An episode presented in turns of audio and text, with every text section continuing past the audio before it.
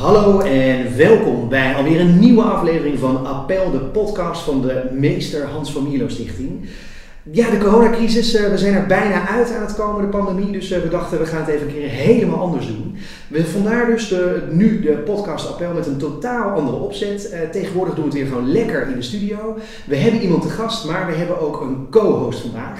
En de co-host dat is uh, Xander Prijs. Xander Prijs, jij werkt bij de Familio Stichting. Wat doe je Xander? Ja, dat klopt. Ik ben uh, wetenschappelijk medewerker. Ik hou me bezig met sociaal-economische thema's. Um, op dit werk ik vooral aan meritocratie eigenlijk. Dat komt, ik had een artikel geschreven in de, in de idee in ons, in ons blad. En dat ging over de verzorgingsstaat. En ik kreeg daar uh, een aantal reacties op dat het wel een hele meritocratische inslag was. Toen ben ik bij mezelf te raden gegaan van, klopt dat? Ja. Um, en nu ben ik aan het kijken hoe we de meritocratie en het sociaal liberalisme aan elkaar kunnen verbinden. En, en lukt dat? De, de meritocratie en sociaal liberalisme aan elkaar verknopen? Uh, nou, dat, dat, vertel ik wanneer, ik dat, wanneer dat uh, klaar is. Want ah. het is nog een flinke uitdaging. En, en vertel, wanneer is het ongeveer klaar, denk je? dat gaat nog wel even duren. Ik denk in het najaar. Alright. Hoop dus, uh, ik hoop in het najaar. Dus dan, dan kunnen we in plaats van voor jou co-host maken, kunnen we jou host maken of gast maken. En dan kunnen we jou vragen, wat is er dan precies gebeurd? Dan kan hey, ik iets komen vertellen. Heel ja. goed. Ja, je, je, achtergrond is econoom en dat uh, komt heel goed uit, want uh, onze gast van vandaag, ja, dat is een man die eigenlijk bijna geen introductie behoeft. het is een van mijn favoriete columnisten van het Financieel Dagblad. Zijn naam is Matthijs Bouwman. Welkom. Hallo. Hoi. Maar wat is het trouwens mis met meritocratie? Nou, dat is gelijk. Nadeel als je daar buiten komt, dat uh, lijkt mij gewoon een voordeel van je analyse. Nou, laten we gelijk er maar induiken. We wilden het eigenlijk over iets heel anders hebben, over de hele economie en uh, alles wat er na de pandemie ging gebeuren. Maar, maar uh, die vraag, Xander, wat is er mis met de meritocratie? Um, ja, een, een, probleem, tenminste een probleem dat we zien is, um, als mensen winnen, of althans mensen winnaar zijn van de meritocratie, van Um, dan krijgen zij heel veel status, macht en dat soort dingen. Maar als je verliest dan, en, het is een, dan, en dan krijg je te horen dat is je eigen verdienste. Dat heb jij gedaan. Maar als, als je niet mee kunt komen, dan krijg je te horen, ja, dit is je eigen schuld en jij hebt niet voldaan aan wat we verwachten. Ja, oké. Okay. Ja. En dat, dat kan heel demoraliserend werken en dat, dat kan wel een probleem zijn. Want Matthijs, jij ziet wel pluspunten in zo'n meritocratie? Nou, dat is dus weer een kwestie van definitie. Als je zegt, we hebben een meritocratie, dus we proberen mensen te behandelen uh, op basis van hun uh, kennis en kunde en inzet. Uh, ja, als je dat echt letterlijk neemt, dan, dan, dan lijkt me dat een goede uitkomst. Ja. Alleen als dat ervoor zorgt dat het erop lijkt, maar dat tegelijkertijd mensen geen kans krijgen om mee te doen en wel de schuld ervoor krijgen, omdat je beweert dat je dat systeem nou eenmaal hebt geïntroduceerd, dan lijkt het me wel een probleem. Ja. Dat is uiteindelijk in de praktijk wel het uh, ja. misgaat. Is een onderliggende vraag ook niet, en dat vraag ik dan als politicoloog, uh, in hoeverre is uh, iets als die kennis en kunde waar je op selecteert ook iets wat veranderbaar is? Want als je gewoon geboren bent met, ja, in dat boek van Kees Fuik hè, wordt er over geschreven ook, hè, dat uh, mensen worden gewoon geboren met bepaalde intellectuele capaciteiten. Nou, dat is leuk zo'n meritocratie, maar die selecteert alleen maar de bovenste 20%. De onderste 20% heeft gewoon pech vanaf de geboorte. Hoe zit dat, Xander? Ja, het is inderdaad, um, eigenlijk wat je ziet is, je hebt uiteindelijk je hebt talent en dat wordt ofwel of niet gewaardeerd door de samenleving. En daar moet je maar net geluk mee hebben. Dus dat is een soort inderdaad een filosofisch onderliggende vraag van um, het talent dat je hebt, dat is niet je eigen verdienste. Natuurlijk, we willen ook graag, kijk, een perfecte meritocratie zou, enerzijds zou dat heel mooi zijn, want dan is het echt alleen maar inzet en de kennis die je hebt opgedaan. Maar een groot deel is ook gewoon geluk. Ja. En bijvoorbeeld, ik heb het geluk dat ik naar de universiteit kon en dat ik makkelijk kon leren, maar heel veel mensen hebben dat geluk ook niet. Ja. Maar Matthijs? Nou ja, ik, ja, ja, ik moet dat nu wel meteen heel filosofisch, maar ik heb daar wel uh, als econoom wel een beetje moeite mee. Want uiteindelijk uh, moet je nou maar gaan vragen wie ben je? Het is dan de vraag van ben je dan inclusief je talent of uh, is dat iets wat een sticker namens onze beheerder toevallig opgeplakt is? Ja. Ik, ik, ik, ik ben geen topsprinter, dus ik ga niet de Olympische Spelen winnen. Nee, ben ja. Al heel oneerlijk. Ja. Ja, ja. nee, helemaal mee eens. Zo is dat bij mij wel ook wel kneld hoor. Dat ja. is wel, ja. Vandaar ook dat ik er nu aan eigenlijk ook ingedoken ben van jou dan, want ik ben ook, tenminste, ik was altijd ook een overtuigd meritocraat. Van, Ja. ja, de, Ja. de beste mensen op de beste plek en eigenlijk het enige wat telt is wat je, wat je bijdraagt en wat je presteert. Ja, het, het kan, je kunt daarnaast natuurlijk gewoon een moreel mens zijn die vindt dat mensen die, eh, die dan moeilijk mee kunnen komen, dat die, een, een, eh, dat die een aandeel mogen maken op deel van de welvaart, aanspraak mogen maken op deel van de welvaart. Precies. Dat, Ja. niet dat kan tegelijkertijd. Maar om nou te zeggen van we gaan de verkeerde mensen op de verkeerde, op de, op de verkeerde plek zetten, want dat voelt zo eerlijk, dat, eh, ja, dan hebben we onszelf wel te pakken. Dat is, dat is niet efficiënt. Economen zijn hierin, daar heb je ook last van, zijn hierin uh, amorele en uh, walgelijke wezens, uh, geloof ik. nou, nou, dat ben ik dat is niet helemaal met je eens natuurlijk. Ik zit hier met twee Het amorele deel ondersteun ik wel een onderschat wel een beetje. ja. hey, laten we dan uh, van dat uh, talent wat jullie hebben als economen, laten we daar gebruik van maken. Um, want inderdaad, het onderwerp van vandaag is uh, ja, de, de, de economie en hoe heeft die de hele coronapandemie eigenlijk overleefd. En Matthijs, laten we maar gewoon gelijk erin duiken. Als we een tijdmachine pakken, we gaan naar een jaar terug, dan zou ik bijvoorbeeld jouw collega Kees de Kort, hoor ik op BNR spreken. Dit is vreselijk, zegt hij met karakteristieke stemgebruik. Ja. Ondertussen is het juli 2021. Het valt wel mee, toch Matthijs? Nou, we moeten echt onderscheid maken tussen sectoren, maar als je het, eh, sommige ondernemers zijn het heel zwaar. Ik denk dat de, de, de armoede onder bepaalde groepen echt uh, zwaar is toegenomen. Dus daar moet echt wel op, op, meso-niveau daar wel beleid voor komen. We zijn helemaal niet klaar. Maar macro-economisch is het na de diepste recessie ooit, sinds we ieder geval kwartaalcijfers bijhouden, in de lente van 2020 is het daarna eigenlijk ja, bijzonder goed gegaan. In de zomer uh, was er al heel veel herstel van de economie. En de tweede, de tweede golf, derde golf en de, de tweede lockdown, die hebben de economie veel minder hard geraakt dan, uh, dan die eerste. Ja. Omdat de lockdown natuurlijk in grote delen van Europa, ook in Nederland, veel zwaarder was. Dus dat, en sinds, sinds het allemaal misging, zijn er eigenlijk vooral meevallers geweest. En ja, de overheid heeft natuurlijk ook echt een rol in gespeeld, maar er is meer aan de hand. Ik denk dat toch echt wel de onderliggende economie andere manier gereageerd heeft op zo'n corona-pandemie uh, dan op een, wat we gewend zijn aan normale crisis, die meestal ja, door de economie zelf komen en daardoor blijkbaar veel langer ja, nou, nou is een bekende quote, never waste a good crisis. We hebben dus blijkbaar iets goed gedaan uh, de afgelopen tijd. Wat is dat dan precies? Ja, nou ik denk dat de belangrijkste reden komt niet door, uh, niet door wat we hebben gedaan, maar het is echt dat, dat echt voor eind 2019 was de economie niet stuk. Het, zoals uh, vlak voor de financiële crisis kun je echt zeggen van ja, terugkijkend, wat dachten we ook. Hè? Dat was ja. volledig uh, overgehefboomde en veel te veel schulden beladen uh, economie met een zwak bankenstelsel. Uh, de recessie van, van rond, de, rond de eeuwwisseling kun je echt van zeggen van ja, wat wil je als je zo'n heftige beursbubbel laat ontstaan in dotcom. Eerder hebben we natuurlijk oliecrisis gehad, uh, die kwamen ook echt door kostprijsschokken in, in de oliemarkt. Daar moet de economie zich op aanpassen, daar gaan zichzelf transformeren eigenlijk. En, en met deze uh, recessie is dat, was dat veel minder het geval. We moesten eigenlijk alleen maar overleven om weer door te kunnen. Er hoefde niet een soort structurele verandering in uh, sectoren of in schulden en dergelijke plaats te vinden. Het enige wat we moesten voorkomen was dat er onnodige faillissementen waren, dat er onnodige uh, verlies aan skills zou zijn bij mensen die langdurig werkloos zouden worden, bijvoorbeeld een anderhalf jaar lang. Ja. En moesten voorkomen dat er een bankencrisis zou ontstaan. Uh, en, en dat is allemaal heel goed gelukt, dus dat kun je de overheden dan weer toeschrijven dat ze, dat ze aan die ja, randvoorwaarden hebben voldaan door onorthodox uh, veel geld in de economie te pompen om de boel overeind te houden. Ja. Dus dat plan heeft gewerkt. Maar dat we überhaupt zo'n plan moesten hebben, was omdat dit meer een incident was dan een structureel economisch probleem. Ja, precies. Dus het gaat niet om dat er, dat er echt iets fout zat in de economie. Uh, het is van de economie stond er goed voor en daardoor konden we die klap opvangen eigenlijk. Ja, Klaas Klont uh, van de Nederlandse Bank gaf de Nederlandse, Nederlandse conjunctuur een 9 in januari 2020 werd dat in buitenland gevraagd. En niet dat de economie er zo goed voor stond, want er waren allemaal problemen. Ja. Maar wat is nu de conjuncturele stand? Toen zei ik, nou een 9. Ja. De centrale bankier die horen helemaal geen negens uit te delen. Die horen natuurlijk, hè, ze zeggen nou een, een zes minnetje, dat is hun werk. dus dat was uitzonderlijk. En, en zo zijn we ook die recessie ingegaan. Ja. En je ziet dat we er ook weer zo uitkomen. En dat had anders kunnen lopen. En ik had het ook zeker niet zo voorspeld. En in die zin is het heel leerzaam. Ja. Het, het hoort ook bij dat wij natuurlijk in Nederland een relatief wendbare economie hebben gebouwd. Er wordt veel geklaagd over, over flexibiliteit op de arbeidsmarkt. Maar een deel van die flexibiliteit heeft ervoor gezorgd dat, dat we er goed doorheen zijn gekomen, dat mensen ook iets anders zijn gaan doen. En die werden ontslagen in de horeca, die gingen bij Coolblue in het distributiecentrum werken. Ja.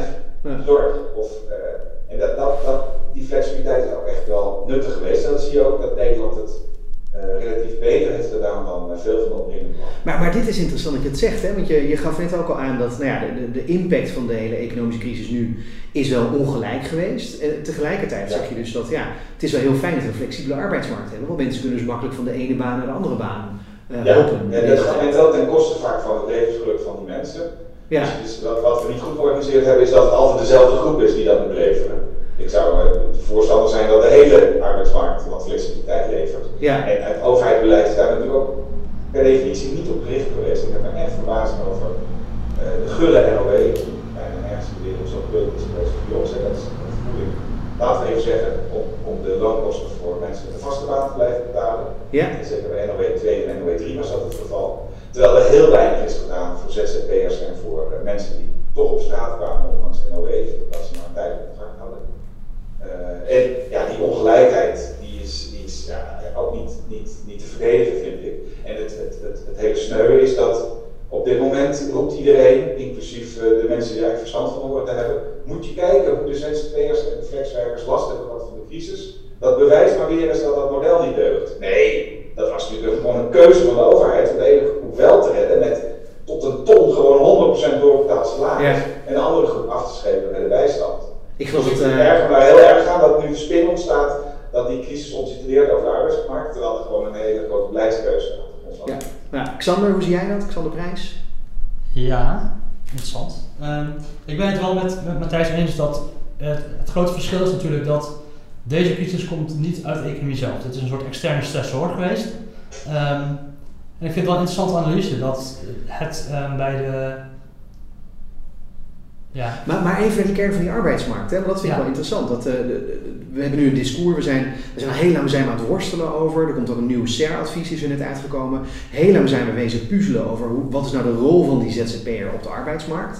Ehm, en, en nu zijn er dus inderdaad politieke partijen die zeggen, ja zie je wel, eh, het werkt niet ZZP'ers, want eh, ja, ze hebben die crisis maar ten nauwernood overleefd. ja. Maar hier horen we dus eigenlijk, nou, het- het- wat het dus laat zien is, we hebben ze gewoon in de steek gelaten eigenlijk. Ze Ja, hebben niet aanspraak kunnen maken op een NOE, niet aanspraak kunnen maken op andere dingen.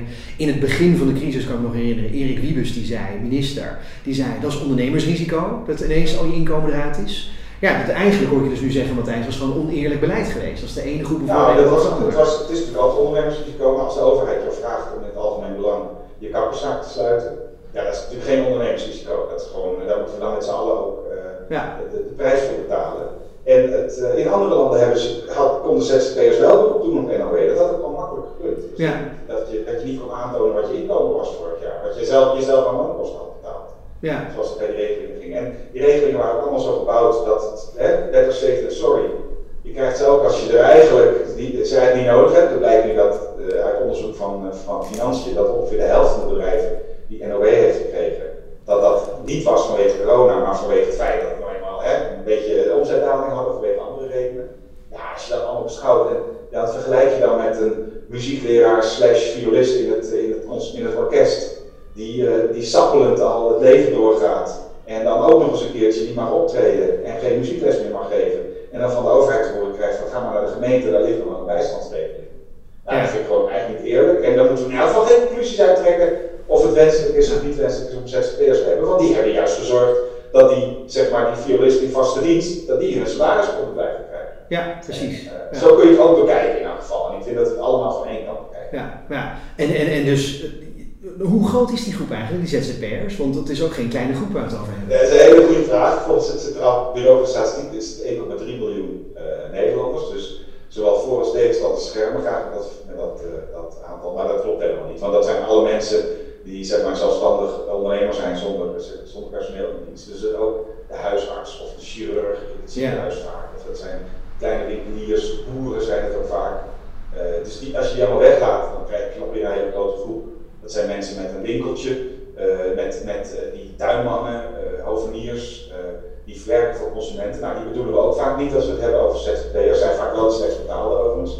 Maar die echte ZZP'er die business to business werkt, dus die waarvan je zou kunnen zeggen dat had ook een werknemer kunnen zijn. Meestal niet hoor, maar waarvan je dat zou kunnen beweren. Ja, dan kom je niet boven de 500, 600.000. Dus de, de helft van de ZZP'ers waar altijd over wordt gepraat, Ja, het zijn eigenlijk eh, niet de ZZP'ers waarover klachten zijn. En de grap is dat juist in die groep zitten wel de ZZP'ers met hele lage inkomens. Dus er wordt heel veel beleid gericht op zielige ZZP'ers, maar die vervolgens niet worden beïnvloed door het beleid, omdat dat eh, gewoon, ja, dat, dat zijn vooral business to consumer ja, ZZP'ers eh, die, die, die moeilijk van kunnen leven. ja. Nou, dus, dus ik vind de discussie is helemaal vervuild geraakt door, eh, door zeg maar, normatieve eh, eh, oordelen van, van de mensen die die discussie voeren. En als je terug gaat naar de cijfers, dan valt het eigenlijk met het, het ZZP-probleem heel erg mee. Zelfs Ja. Maar hoe groot nou die rol is, hoeveel schijnzelfstandigen maar zijn, hoe vaak nou een ZZP'er in de plaats komt van de werknemer, laat staan hoeveel belasting ZZP'ers wel of niet betalen en of ze wel of niet bijdragen aan de collectieve sector. Het is allemaal onderzocht. Gewoon allemaal geconcludeerd op basis van gesprekken met bijvoorbeeld vakbond. Ja, maar... Wat, nou, dat moest ik even kwijt. Nou, dat is heel goed, maar want, wat, wat ik interessant vind, hè, uh, we kijken dus naar die economische effecten van de coronapandemie. Eigenlijk zeg je dus, nou ja, heel veel dingen zijn heel goed gegaan, maar voor ZZP'ers heeft het als een soort pressure cooker gefungeerd. En nu wordt dus extra duidelijk dat we, dat we een beetje, dat de ZZP'ers gewoon uh, stiefmoederlijk behandeld worden. Dat ja, maar ZZP'ers zijn meestal niet zielig, hè, want ze verdienen gemiddeld meer dan, uh, dan werknemers. Ja. Dus, ze zijn gelukkiger, ze hebben minder stress. Dus, dus als je naar de indicatoren kijkt, dan wil je eigenlijk, als je van buiten komt, wil je het zo liefst mogelijk een ZZP'er worden, hoewel het ja. natuurlijk heel groot is. Ik denk dat we veel meer moeten hebben over uh, mensen met nulurencontracten. Mensen die van flex naar flex worden gestuurd omdat ze nooit een vaste baan krijgen. Die groep, en dat is echt zeg maar helemaal aan de andere kant van het spectrum staan die ten opzichte van de meeste business-to-business uh, ZZP'ers. Ja. Die groep, daarvan hebben we wel gezien dat ze door het, door ja. het tussen de spleten vallen. Want ja, die hebben het grootste deel van de flexibiliteit geleverd. He, dus er zijn nu meer ZZP'ers dan voor de coronacrisis. Ja. Ze werken wel gemiddeld wat minder uren, maar dat zijn nu meer ZZP'ers dan daarvoor. De echte pijn die is, uh, is geleden door met name jonge mensen op de arbeidsmarkt die geen vast contact hadden. Ja. En, en dus die, die, die, die, discussie moet je ook scheiden. Je moet niet zeggen ZZP'ers en flexwerkers. Je moet zeggen flexwerkers. En voor ZZP'ers precies. die een ander beleid. Ja, precies. Ja, dat, is eigenlijk een laatste vraag. Want ik, ik wil nog naar andere effecten van de hele coronacrisis wil ik ook nog kijken. Op de economie en onder andere staatsschuld en dat soort dingen. Um, maar, maar eigenlijk, als ik je goed begrijp, zeg je dus als het nu gaat over beleid maken voor ZZP'ers, die hele brede term, wees dan specifieker. Je hebt iets wat meer lijkt op dagloners aan de ene kant, versus mensen die dus inderdaad gewoon eigenlijk een eigen bedrijf runnen, maar gewoon toevallig even geen personeel in dienst hebben en het gewoon allemaal in hun eentje doen. Dat, dat zijn Ja, zulke maar, grote verschillen. ben wel echt een subgroep. hè. Ik ben zelf ook ZZP'er trouwens. hè. Ja. Ik hoef geen steun, ik ben niet zielig geweest in de crisis, dus ik heb het niet over mezelf. Ja, Eh, even voor de duidelijkheid. Maar, de, maar de, ik denk dat de meeste ZZP'ers eh, kun je gewoon aan hun lot overlaten. In- in- Het is natuurlijk een groep ZZP'ers waarvan je gewoon moet verbieden dat ze worden ingehuurd als ZZP'er. ja, En het zijn mensen die ja, echt het bestaansminimum eh, eh, daardoor leven, eh, veel onzekerheid hebben, maar vooral ook in plaats komen van werknemers. ja. Maar hoeveel dat er zijn, het er zijn heel veel mensen die er heel grote woorden over spreken, maar hoeveel dat er maar zijn, daar is echt heel weinig over bekend. Ja. En het is opvallend dat ook de overheid het steeds maar weer, hè, inclusief eh, ons, uh, Wouter Koolmees hè, van D66, die continu daar beleid op aan het voeren is en overleg voert met de vakbond, dat die dat soort basale vragen eigenlijk nooit hebben beantwoord. En, ehm, het lijkt alsof dat al een gepasseerd station is, want iedereen vindt flex is doorges- doorgeslagen. Ja. Nee, beleid moet, er moeten dingen veranderen op de arbeidsmarkt, maar help vooral die mensen die, eh, die, Ja. die, Ja. waarvan de vaste baan telkens weer, terwijl ze het wel willen, telkens weer eh, achter de horizon voorbij. Precies, die ligt telkens in de toekomst. Dat komt ooit wel, is dan eh, de vraag. Ja, en, dan, en je ziet als je kijkt wie er nou werkloos zijn geworden tijdens de, de, de- zeg maar dat, de grote corona-recessie. Ja. Ja, als je goed kijkt, dan zie je dat zijn dus alleen mensen met een eh, flexcontract, want er zijn meer, ZZP'ers eigenlijk de werkelijkheid voor gegroeid juist, eh, in, in aantal, eh, aantal ZZP'ers. Eh, en als je dan kijkt, zijn het vooral jongeren. En als je dan nog dieper kijkt, zijn het vooral scholieren en studenten. Ja, Dus dat is ook weer niet zo'n heel groot drama, maar die flexibiliteit is echt geleverd scholieren en, en eh, studenten die gewoon een jaar lang geen bijbaantje hebben gehad. Ja. Daar, moet, daar moeten we echt iets mee. Het is alleen niet zo, hè, het is minder erg dan dat de huisvader of de huismoeder zegt, kinderen, eh, er is geen eten meer, want ik ben ontslagen. Maar je moet daar wel iets mee, er moet een soort genoegdoening komen voor, voor die groep. ja, Uh, ja. Vrijstel van schulden of geef ze allemaal een rijbewijs van mijn part. Ja, je zegt Ja, het. die, zijn, dat zijn, de- die hebben echt pijn geleden. Ja, Xander, ja? Ja, je zegt net inderdaad ook de. ehm, ja, mijn gedachte. Je zegt net. eh, nou, nu is je kwijt. Eh, waar ik naartoe wilde was het zijadvies. Ehm, Ja. Ja, en je zegt net inderdaad, de coronacrisis heeft geen, ehm, eigenlijk niet aangetoond dat onze arbeidsmarkt dysfunctioneel is. Terwijl heel veel mensen dat wel aangrijpen om dat wel te doen. En dan nu komt de SER met een, met een advies ook. En eh is ook natuurlijk de commissie Boslap die niet direct Ja. de corona, ehm, niet direct corona als uitgangspunt heeft genomen, maar dat, ja, dat zit natuurlijk ook wel verweven in hoe dat advies wordt ontvangen. Ehm, nou, ik was wel benieuwd, dat nieuwe SER-advies, wat vond je daarvan? Ja, ik vond het eh, ten eerste slecht getimed. Het was natuurlijk heel slim getimed, maar eigenlijk wel ondemocratisch slecht getimed. Eh, want we hebben natuurlijk net allemaal op eh nou, 120.000 partijen kunnen stemmen, ongeveer bij de laatste formatieverkiezingen met allemaal een hele dikke paragraaf over de arbeidsmarkt. En er moet nu informatie moet worden besloten welke, welke plannen we gaan uitvoeren. En zo zou het eigenlijk democratisch moeten werken. En dan komt er plotseling komen de werkgevers en de werknemers en die leggen min of meer een dictaat op. Uh, wat weer een, zeg maar, volgende verkiezingsprogramma eigenlijk is. En dat gaan we dan vervolgens doen. Of in ieder geval, je moet nu bij goede reden formuleren om daarvan af te wijken. Dus dat vind ik echt wel kwalijk en ik vind het ook helemaal niet toevallig dan, lijkt mij dat de, de opsteller van het advies toevallig ook informateur is. Dus dat, dat nou, ik vind, vind dat, vind dat uh, Wacht even, zeggen jullie, dat dat het zelfs een ondemocratische praktijk is misschien? Dat het uh, niet controleerbaar, ja, niet transparant is? Ja, niet zoals we het ooit bedacht hadden. En dan, ja. Natuurlijk, de polder mag altijd adviseren en de polder heb je nodig voor arbeidsmarktbeleid. Maar zelfs bij het opstellen van die paragrafen in die verkiezingsprogramma is natuurlijk al veel gesondeerd met, uh, met de uh, polder met sociale partners. Vervolgens wordt het opgeschreven. Nou, straks als het wordt uitgevoerd, wordt het ook weer netjes afgeskaakt met, uh, met de Stichting van de Arbeid en dergelijke. Maar ja, juist in deze fluïde fase waarin partijen moeten komen tot gezamenlijk beleid, zou je eventjes je buiten moeten houden, denk ik. Maar ze gebruiken juist die, dat vacuüm om hun eigen zin nog even door te drukken. Nou, wat vind ik inhoudelijk van dat advies? Ja, het is borstlap luid. Dus alle uh, zaken die uh, zorgen voor, nou, in mijn woorden, een meer starre arbeidsmarkt uit borstlap, die staan erin. En vervolgens staat er één dingetje wat misschien wat tot flexibiliteit zou leiden, staat er ook in. Dat is namelijk een soort uh, NOW voor de toekomst. Een deeltijd-WW-regeling, waarbij ja, bedrijven kunnen zeggen tegen hun werknemers, er is even minder werk. We gaan niet 10 man ontslaan, maar we gaan allemaal 10% minder werken. Nou, dat is eigenlijk heel nuttig, hè? dan maak je van iedereen een klein beetje ZZP'er, die een beetje in zijn loon en in zijn, in zijn arbeidsuren meebewegen met de conjunctuur. Dan hoef je tenminste niet dat radicale, uh, binaire ontslag te gebruiken voor een deel van de mensen. Maar wat zegt dan uh, het zeradvies? Ja, dat moet de overheid voor het grootste deel betalen. Dus er komt weer een soort nieuwe collectieve-achtige WW-regeling.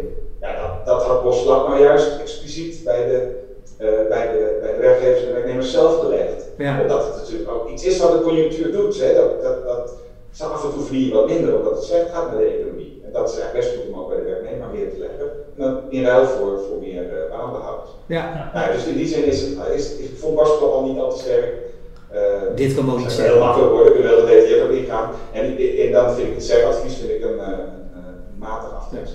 Ja, hey, wij zijn ook, uh, ja, we, we, zijn ook de straat op gegaan, dus we hebben even gevraagd op straat uh, wat mensen nu vonden van de, de economie na de hele coronapandemie, zo waar we nu langzaam aan het uitkruipen zijn. Laten we even luisteren wat we op straat hebben gehoord in onze rubriek Vox Populi Vox Day. Choose what form of government they like best. Ik, ik hoor het heel veel, maar op welke manier zou je precies rijk zijn geworden, dat zou ik eigenlijk niet weten.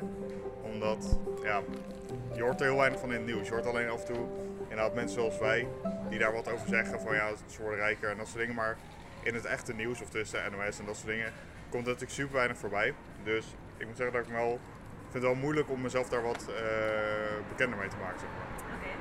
Dus ik, ik, kan niet, ik kan niet echt een goede mening erover vormen, omdat ik er te weinig van weet. Nou, ik denk sowieso dat uh, tijdens corona dat wel heel erg uh, naar boven is gekomen dat heel veel banen onnodig zijn. Dat er wel heel veel mensen zijn die eigenlijk een onbelangrijke baan hebben waar ze heel veel geld mee verdienen. Waar blijkt dat ze gewoon thuis kunnen werken en eigenlijk helemaal niks uitvoeren. Dus ik denk als dat een beetje naar boven is gekomen, dat je daarop zou kunnen verminderen. Ik denk dat de coronacrisis niet de tweedeling moet vergroten. Ik denk dat je dan de kosten niet evenredig, maar juist uh, meer rijken moet uh, zeg maar, verhalen. Zeg maar. Uh, onbelangrijke banen, dat was ik alweer helemaal vergeten inderdaad. Hè. Bij het begin van die coronapandemie, dat ineens iedereen thuis moest zitten, kregen we ineens dat onderscheid tussen essential jobs en non-essential jobs. Onbelangrijke banen. En we horen dus iemand op straat die zegt, nou die onbelangrijke banen, die bullshit jobs, die moeten we eigenlijk maar afschaffen nu. Matthijs. Ja, het, bullshit jobs bestaan niet, denk ik. Er zijn best wel mensen die misschien het nuttig kunnen maken door iets anders te doen. Ja. Maar onderzoek op, op het gebied van bullshit job is echt zelf bullshit. Dat was de socioloog David Graeber die dat zei. Hè? Dat... Heeft, dit een of ander uh, rapportje heeft hij, uh, heeft hij uitgemolken. Als je daarin duikt, dan blijkt dat dat helemaal geen serieus uh, wetenschappelijk onderzoek. Maar, maar, wat deze straat zou willen zeggen, denk ik, is dat ja, het, het, is interessant dat we op de een of andere manier een economie hebben waarbij er heel veel mensen nou, e-mails versturen voor hun werk de hele tijd. Ehm, daar verdienen ze heel veel geld mee. Eh, of ze dat nou ZZP'er doen of niet, dat weet ik niet. Maar daar verdienen ze heel veel geld mee. Terwijl die hele pandemie en die lockdown nu liet zien dat de mensen die belangrijk werk doen, verpleger zijn, eh vuilnisophaler zijn, eh, dat soort mensen, dat die A onderbetaald worden, maar B dat die ook zwaar onder druk komen te staan op het moment dat er een lockdown is. Ja, dat, had, dat heeft natuurlijk veel meer te maken met de aard van het werk dan met of het werk nuttig is of niet. Ja, we, gaan, we gaan, Picasso werkt ook vanuit huis, zeg maar. Eh, dat Ja. is, dat is, eh, is Picasso dan een bullshit job? nou veel mensen zouden zeggen van wel. Die zeggen dan dat kan mijn dochter ook. dus, ja, dan, eh, oké, dan, gooi, dan gooi je de weg en dan kan de vuilnisman hem ophalen. Nee, dus er was, was, was een bepaald type werk wat, wat niet vanuit huis kon worden gedaan. Nederland heeft, is goed door die pandemie gekomen, economisch gezien. Ook Ja. omdat wij juist veel werk hebben wat wel makkelijk vanuit huis kon worden Ja. gedaan. En ook omdat we daar een goede digitale infrastructuur voor hebben. We hoeven niet eerst laptops uit te delen en internetaansluiting te kopen. Dus dat ging echt heel, heel, heel goed. Maar om, dat bewijst helemaal niet dat als je vanuit huis werkt, dat het dan geen nuttig werk zou zijn. Integendeel. Ja. Ik denk dat veel van het, eh, van het hoogproductieve werk op dit moment in Nederland, dat dat juist wel thuis kan worden gedaan. Dat, zijn, dat is de diensteconomie, waar de wereld, hè, dat verzin ik niet, de wereld steeds het hoogste bedrag voor over heeft. Allemaal mensen die vrijwillig besluiten hoeveel loon ze iemand betalen. Ja. Eh, Die dat echt niet doen omdat ze zo vriendelijk zijn of omdat ze, dat ze omgekocht zijn. Ja, die kiezen ervoor om juist dat soort werk belonen. Eh, eh, vuilnismannen zijn ook heel belangrijk. Verpleegsters zijn natuurlijk in de pandemie extreem belangrijk. Ik weet ook niet of daar de arbeidsvoorwaarden eh, in orde zijn dat ik daar loon voor krijg. Maar of je thuis kunt werken is voor mij geen, eh, geen maatstaf. Nee. Nee, helder, helder. Hey, ook niet, het. Xander, ja, wat wil je zeggen? Nou, dat lijkt me inderdaad ook geen goede maatstaf, want heel veel, ja, heel veel inderdaad hoogproductief werk kan thuis worden gedaan. En volgens mij was ook het, onder- het idee achter die bullshit jobs van het onderzoek dat die mensen zelf zeiden, nou mijn baan, Ja. als ik niet naar mijn werk ga, dan gebeurt er eigenlijk niks. Dan gaat er niks stuk of dan... eh, maar Ja. ik weet niet of dat het criterium zou moeten zijn. Nou ja, wat ik begreep was dat David. helemaal gelijk in. Want het- juist het mooie van onze, onze moderne economie, die natuurlijk bestaat, die, we zijn zo rijk vanwege onze arbeidsverdeling, dat we allemaal een klein stukje doen en daar heel goed in worden en dat samenvoegen. De grap is dat je op het helemaal niet meer zo goed weet wat nou eigenlijk jouw functie is in die hele productieketen. Dus Ja. dan, dan kan ik me voorstellen dat je moment denkt van ja, als ik het niet doe, dan is het ook niet erg.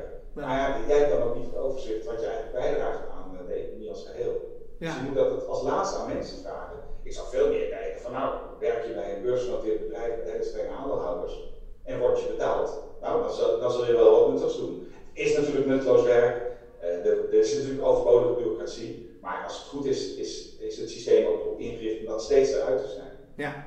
Hey, even een ander onderwerp, en het woord is al gevallen, eh, productieketens. Ehm, misschien was een les van de afgelopen pandemie ook wel dat we eh, misschien dat die ketens te lang waren, dat we te veel van elkaar afhankelijk waren. En dat is dus onder andere waarom er nu eh, in Brussel ook gesproken wordt over het concept Europese strategische autonomie. Matthijs, hoe kijk jij daar tegenaan? Ja, als het om mondkapjes gaat of, of verpleegstersjassen of eh, misschien zelfs eh, chips, maar ik denk het al niet hoor. Maar eh, dan snap ik het helemaal. Medicijnen, vaccins. Dus zijn, je kunt best zeggen van nou, bepaalde dingen willen we gewoon binnen ons eigen ehm, jurisprudentie, binnen ons eigen juridisch gebied willen we organiseren, want we vertrouwen de buitenwereld niet. We hebben bijvoorbeeld bij vaccins gezien dat Europa braaf dacht dat het een, een soort economisch project was, waarbij we natuurlijk aan elkaar leverden. Maar de Britten en de Amerikanen al heel snel dachten van nee, dit is een nationalistisch project. Ja. Eh, geen vaccin verlaat ons land. Nou, dan word, voel je, dan word je dus genept door het feit dat je een leuke coöperatieve speler bent op de wereldmarkt. Nou, daar kun je dan heroverwegen. Verder, verder niet. Eh, als er iets is gebleken, is dat die productieketens te fragiel zijn. Dat, is, dat hebben we eerder ook al gezien, maar dat zagen we nu echt. En dat betekent dat je erop gericht moet zijn om productieketens robuuster te maken. En een van de oplossingen is alles zelf maken, maar dat is waarschijnlijk niet de goede oplossing. Waarschijnlijk is de betere oplossing op zoek gaan naar meer robuustheid in die keten zelf. Dus meerdere toeleveranciers, niet alles in China bestellen, maar ook bijvoorbeeld in Marokko of in Portugal of misschien in Latijns-Amerika. Eh, daar wordt het allemaal een beetje duurder van, maar dan heb je meer eh, redundancy in het systeem. Ook misschien wat meer voorraad aanhouden per productievestiging. Nou, dat wordt er duurder van, dus dan moet je misschien toch weer de productieketen wat meer eh, condensen, wat minder opknippen in allemaal hele kleine stukjes, dat niet overal voorraad hoeft te liggen. Dus dat kan daar de consequentie van zijn dat je het wat versimpelt. Maar het doel moet zijn robuustheid en niet ja, het idee van als we alles zelf maken, dan zijn we veilig. Want stel je nou eens voor dat je alles in Noord-Italië zou maken, als, Italiaan, als, als, als Noord-Italiaan. En dan komt daar de coronapandemie. Ja, dan niemand naar zijn werk. En dan hadden ze gewoon geen eens brood meer kunnen eten in, eh, in dat land. Ja. Dus je moet juist, ik, ik noem het zelf strategische vervlechting, eh, in plaats van strategische autonomie. Je moet juist zorgen dat je met economische verbindingen, dat is mijn mening hoor, en met economische afhankelijkheden, zorgt dat je aan elkaar blijft leveren en dat dan vervolgens die leveringszekerheid organiseren door bijvoorbeeld met meerdere partners samen. Ja, en ik hoor jou een paar sleutelwoorden gebruiken. Eh, Redundancy is er eentje, dat betekent dus niet afhankelijk zijn van één partner. En, diversificatie hoort er natuurlijk ook een beetje bij. Ja. En dat hoeft dus niet per se in Europa te zijn. Dat, dat kan ook daarbuiten eigenlijk. Nee, kijk, dat Europa. dit- Kijk, eh, Amerika had eerst eh, eh, eh, Trump natuurlijk. Ja. Daarna had ze Biden en die zegt eigenlijk hetzelfde. Die heeft het over Buy America. Dus die wil gewoon, met, zeker de noodhulp, met de, met de steun voor de economie, mag alleen maar Amerikaanse productie worden gekocht. De Chinezen die hebben zo'n soort beeld van in 2050 maken wij alles in de wereld. En Europa heeft nu strategische autonomie. Het is eigenlijk allemaal hetzelfde, het is protectionisme. En het komt helemaal niet voort uit een idee van lessen van corona. Het komt gewoon voort uit het ouderwetse idee dat we onze eigen oude industrie moeten beschermen. Ja. En dat willen de Duitsers tegenwoordig ook. De Fransen willen het altijd al. En ja, dan moet Nederland toch tegen blijven spartelen. Nu we het grote VK kwijt zijn als partner daarin, moeten we extra hard eh, tegen stribbelen. Als, In Europa opkomen voor- ouderwetse protectionistische ideeën worden. Ja, ik vraag het ook omdat eh, we zitten natuurlijk ook met het geld van het Europees Stimuleringsfonds. Ehm, we proberen nu ook inderdaad te kijken van ja, hoe kunnen we dan de economie. En kijk, in Nederland is het dus best goed gegaan. Hè? Onze staatsschuld is geloof ik nu opgelopen naar 55%. Dus we blijven zelfs nu nog binnen de grenzen van het Europees Stabiliteits- en Groeipact. Ehm, maar de andere landen eh, in onze broedergemeenschap Europa, ja, dat zit ondertussen tegen de 100% aan, zo niet ver daaroverheen qua staatsschuld. Ehm, en, en we zouden dus kunnen kijken of we het economisch investeren, het enigszins misschien dan Europees protectionistisch investeren in de economie, alsof dat we het kunnen gebruiken om juist inderdaad Italië bijvoorbeeld eh, nou, een duwtje in de rug te geven, een steuntje te geven. Ja, nou, die, die, die effecten van corona zijn heel eh, verschillend. eh, Ja. Heel verschillend uitgepakt op, eh, op verschillende landen. En helaas toch weer het zwakst, zwaarst getroffen zijn de landen die het al wat moeilijk hadden.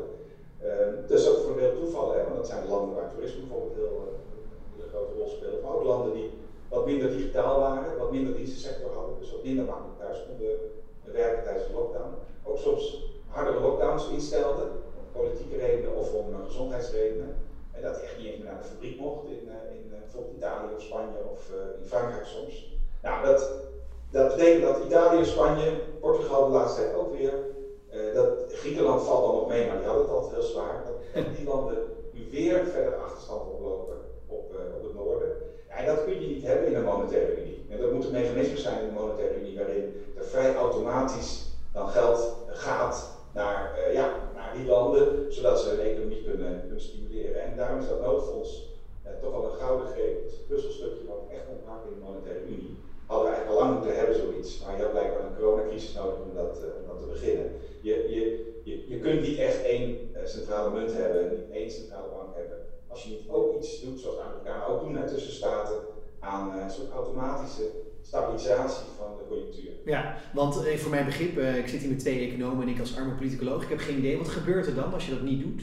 Wat gaat er mis? Ja, dan, kijk, dan kun je niet meer een één rentebeleid voeren voor, eh, voor één gebied. Hè. Dat is even heel simpel, hè. dat is een beetje de, de boekentheorie. Maar je kunt één centrale bank hebben met één rentestand, als die economieën ook dezelfde rentestand kunnen hebben. Ja, Maar bijvoorbeeld in Nederland is straks de inflatie bijvoorbeeld heel hoog. En dat zeg ik niet dat het gebeurt, maar je voor dat het gebeurt. Dan moet de rente omhoog voor Nederland. Maar in Italië is de massawerkloosheid, dus dan kan de rente niet omhoog. Want ja, dat, eh, dat, dat knijpt die economie nog verder af. ja. Ja, als je dat, dan kun je eigenlijk niet, pas je niet in dezelfde monetaire unie. Nou, vanaf het begin is dat in Europa natuurlijk al een beetje misgegaan. Dat er landen bij zaten waarvan je dacht, nou, was dat wel. Maar door corona is dat veel erger geworden. Ja. En, Ja. eh, en, en dan gaan dus uiteindelijk weer eh, buitenlandse, nou ja, binnenlandse speculanten op de kapitaalmarkt gaan dan eens kijken van ja, overleeft dat eigenlijk wel? Eh, dit komt, kan niet volgens onze theorie. Ja. Dus kunnen we niet eens gaan gokken dat er, dat er iets misgaat in zo'n eh, in zo'n land. Dus gaan we eens een beetje tegen zo'n obligatie speculeren. Nou, om dat te voorkomen, dat ze er ook niet, daar niet eens aan denken, heb je naast monetair beleid ook echt wel begrotingsbeleid nodig. Wat, eh, wat gedeeld wordt. Om, in Amerika is- gaat dat via de WW. Als, eh, als één staat hele lage werkloosheid heeft, dan betaalt hij toch veel belasting aan de centrale overheid. Waaruit de WW wordt betaald voor, land, voor staten waar de werkloosheid wel heel hoog is. Niemand die dat merkt, niemand die demonstreert of niemand die een referendum organiseert daarover. Maar zo wordt wel zeg maar 10% van de conjunctuur wordt uitgesmeerd over, eh, over het land als geheel. Maar dit is raar interessant. Dat raakt ook aan een onderwerp waar we het eh, de vorige keer in de podcast over hadden. De oude stijl was dat nog. Namelijk is het ook niet eens tijd voor Europees sociaal beleid. En inderdaad de vraag naar, moeten er regels komen voor onder andere dingen als minimuminkomen en sociale verzekeringen? Um, voelt het misschien te ver om het daar nu over te hebben, Xander? Wat denk jij? Ja, dat denk ik ook. Maar ik denk ook uh, dat het twee verschillende dingen zijn. Want een minimuminkomen bijvoorbeeld, Europees, is denk ik wel wat anders dan een stabiliteits- en groeipact. Ja. Um, ja. denk dat dat, dan ga je ook meer het sociaal domein in, waar eigenlijk de Europese Unie nu nog niet heel veel competenties heeft. Ja. Um, ook zo afgesproken. En ik denk dat dat ook wat, wat anders ligt dan uh, waar we het nu over hebben. Ja. Waarbij ik, wel, ik denk dat je zo'n zo soort collectieve WW zou je wel kunnen gebruiken om zeg maar, dat, dat geld te verdelen. En hoeft het niet altijd via overheidsprojecten. Want het nadeel van het huidige, het nieuwe fonds dat er komt, en dan moet toch weer overheden weer plannen indienen. En, en voor je het weet maak je de collectieve sector in die landen weer groter, omdat er wat geld via de overheid verdeeld wordt. Terwijl als je toch een deel bijvoorbeeld van de, van de WW, maar goed, dan moet eerst die WW-regels een beetje op elkaar lijken in de landen, zou verdelen via een centrale pot, zou dat eigenlijk veel neutraler zijn. Ja. Maar ik ben wel bang voor een soort sociale uh, ondergrens voor heel Europa, dat dat dan voor landen die nu een beter sociaal stelsel hebben, omdat ze welvarender zijn, daar een soort race omlaag naar de Ja. bodem gaat leiden. En landen uh, die nog moeten, moeten groeien, dat die niet kunnen groeien omdat ze zich meteen zichzelf wegconcurreren, ook voor zeg maar derde land buiten Europa, uh, omdat ze eigenlijk ten opzichte van hun gemiddelde inkomen een te gulden sociale sector moeten opbouwen. Ja. Dus ik zou daar mee oppassen, maar als herverdelingsmechanisme tussen landen om die conjunctuur uit te vlakken, en liever WW dan zo'n pot met overheidsprojecten. Dat is interessant. Uh, allerlaatste vraag. Ehm, puur de vraag, wat kan de burger nu dan doen? Want die andere Europese landen, nou ja, we hebben dus het stimuleringsfonds. Dat zorgt ervoor dat uh, de begrotingen redelijkerwijs binnen die monetaire unie op, uh, op poten blijven. Maar wat kan nu de onschuldige burger die nu luistert, wat, wat kan die doen om die buureconomieën in onze broedergemeenschap, om die een beetje op te proppen? Ja, ik, niet zoveel. Je kunt op vakantie gaan in Spanje, maar ja, voor je het weet neem je weer een van de variant mee. Dus het zou, het zou niet mijn uh, advies zijn voor dit jaar. Uh, ja, moeten we gewoon nog eens even heel voorzichtig op vakantie gaan. Want ja. we zijn helemaal niet gered dit jaar na, najaar. Dat weet ja. nog helemaal niet zeker. We zijn we eerder ingetrapt hè, vorig jaar. Wat je, wat, ik denk wat, ja, dat klinkt een beetje stijnberig, maar wat je vooral moet doen, is, is, is achter die euro gaan staan. Ja. Uh, zolang er onzekerheid blijft over de euro, en zeker Nederland is dus echt wel een van de landen die daar continu onzekerheid over zaait. Uh, en ook, ook niet meewerkt met hele praktische oplossingen op dat gebied in, in Brussel. Nou, ik zou als burger zou ik eens laten horen en zeggen van ik vind die euro, ik hou er niet van, ik ben er niet voor, ik ben er niet tegen, maar al mijn geld zit erin. Dus hallo overheid, kun je even zorgen dat dat goed georganiseerd wordt. Ja. Zo, zo, en, en ja, je laat je niet meeslepen door alle, alle idiote doemverhalen. De euro zou volgens mij al tien keer zijn geklapt en niet meer bestaan. Nou, hij is er nog steeds, uh, sterker dan ooit. We gaan nu Europees uh, geld delen en het buitenland weet niet hoe veel miljarden ze moeten aandragen, omdat ze allemaal zo dolgraag tegen 0% rente in Europa hun geld willen beleggen. Ja. Zo erg vertrouwt uh, de rest van de wereld in de euro. Nou, nou wij nog. Nou, dat is denk ik een mooie laatste boodschap inderdaad. Dank Matthijs Bouwman. Wij door naar de sociaal-liberaal van het moment. Um, want dat is een nieuw item wat we hebben, sociaal-liberaal van het moment. Xander, wie is volgens jou nu de sociaal-liberaal van het moment? Ja, de sociaal-liberaal van dit moment is Pieter Haaskamp, de directeur van het CPB. Is ook ooit in deze podcast geweest, Oude Stijl. Heeft eigenlijk niks met zijn benoeming tot deze nieuwe titel te maken. Um, hij schreef uh, laatst een opinie in het, in Financieel Dagblad, waarin hij zegt Nederland moet eigenlijk cryptovaluta in de band doen. Uh, zoals Bitcoin en Dogecoin. Want um, hij denkt dat het knappen van de crypto-zeepbel is onvermijdelijk en dan gaan heel veel mensen heel veel geld kwijtraken. En om die mensen tegen zichzelf te beschermen, moeten we eigenlijk gewoon kappen met die onzin. Um, want het is een speculatief financieel product waar eigenlijk geen echte waarde onder ligt. En, en het kan ook nooit een betaalmiddel worden volgens hem, want er is daar veel te volatiel voor. Dus de, de waarde is niet, het is niet waardevast, het, het, daalt, het, daalt, het stijgt, het gaat alle kanten op. Dus dat kun je nooit echt als een goed betaalmiddel zien. En ik vond dat wel een mooie um, sociaal-liberale gedachte. Niet zozeer het verbieden, want ik weet niet of ik daar zelf voor zou zijn. En dat is echt een paardenmiddel. Maar het is wel een mooi dilemma dat in zijn, in zijn gedachtegang zit van... moet je wat vrijheid van mensen afnemen door te zeggen van je mag dit niet doen... Ja. door ze een andere vorm van vrijheid weer te garanderen. Want stel die steekbel knapt en mensen raken heel veel geld kwijt... Ja, nee, ga je gang, ja. Ja, dan uh, heb je ook ben je ook minder vrij volgens zeg maar, het positieve vrijheid Ja. ideaal. Ja, Dus dat vond ik wel een mooie gedachte. Dit is, dit is een dilemma, want je weet niet, ehm, ik weet niet of, hij, of dit nou het beste idee is. ja. Maar ik vond het wel een mooi dilemma en ik vond het wel een mooie gedachtegang. Ja, dat, dat, wou ik namelijk net aan je vragen, wat je vertelde. Want ik dacht, ja, eh, mensen kiezen toch zelf of ze in een bitcoin beleggen, ja of nee. Eh, dat is eigenlijk keuzevrijheid. Ja, en Wie is de ja, overheid om daarop in te grijpen? Nee, daar ben ik het mee eens. Dat is ook een heel liberaal idee. Maar aan de andere kant, stel die zeepbel knapt. En ik zeg stel, maar dat gaat sowieso gebeuren. Want als je dan nu kijkt hoe het op die markt ook gaat. Ja, het is, er is ook heel weinig toezicht op. Nou, nou Eh. even, even los van de vraag of het sowieso gaat gebeuren. Want Ja, stel je nou voor dat het gaat gebeuren, dan kun je toch altijd achteraf zeggen, ja, eigen verantwoordelijkheid. Ja ik heb alleen- altijd geleerd, je mag nooit beleggen met geld wat je nodig hebt. Dus je moet altijd elke maand kijken naar, heb ik 5 euro over, 10 euro over. Dat kun je dan steken in een klein stukje Ja. bitcoin. Eh, dat is wat je over hebt. Nooit, nooit, nooit, dat is echt je eigen verantwoordelijkheid. Beleggen met geld wat je, wat je stiekem nodig hebt. Ja, daar ben ik met je, dat ben ik absoluut met je eens. Eh dat is ook nu gelijk een tip voor iedereen. Beleg nooit met geld dat Ja, je niet hebt. Nou ja, Ehm, voor, kijk, Of dat kijk uit wat we nu zeggen. Want voor je het weet zit de AFM op ons, dat we als eh, finfluencers aan het opereren zijn. Oh ja, is, dat eh, moet ik ook niet doen. Ehm, nou, maar dat zou eigenlijk wel goed zijn als de AFM even op ging letten. En niet alleen de AFM. Want er is eigenlijk heel weinig toezicht nu op de, op de cryptovalutamarkt. Ehm en het is inderdaad eigenlijk verantwoordelijkheid. Maar als die bubbel knapt en, eh, en hij is groot genoeg, dan gaat iedereen er last van hebben. Ja, ja.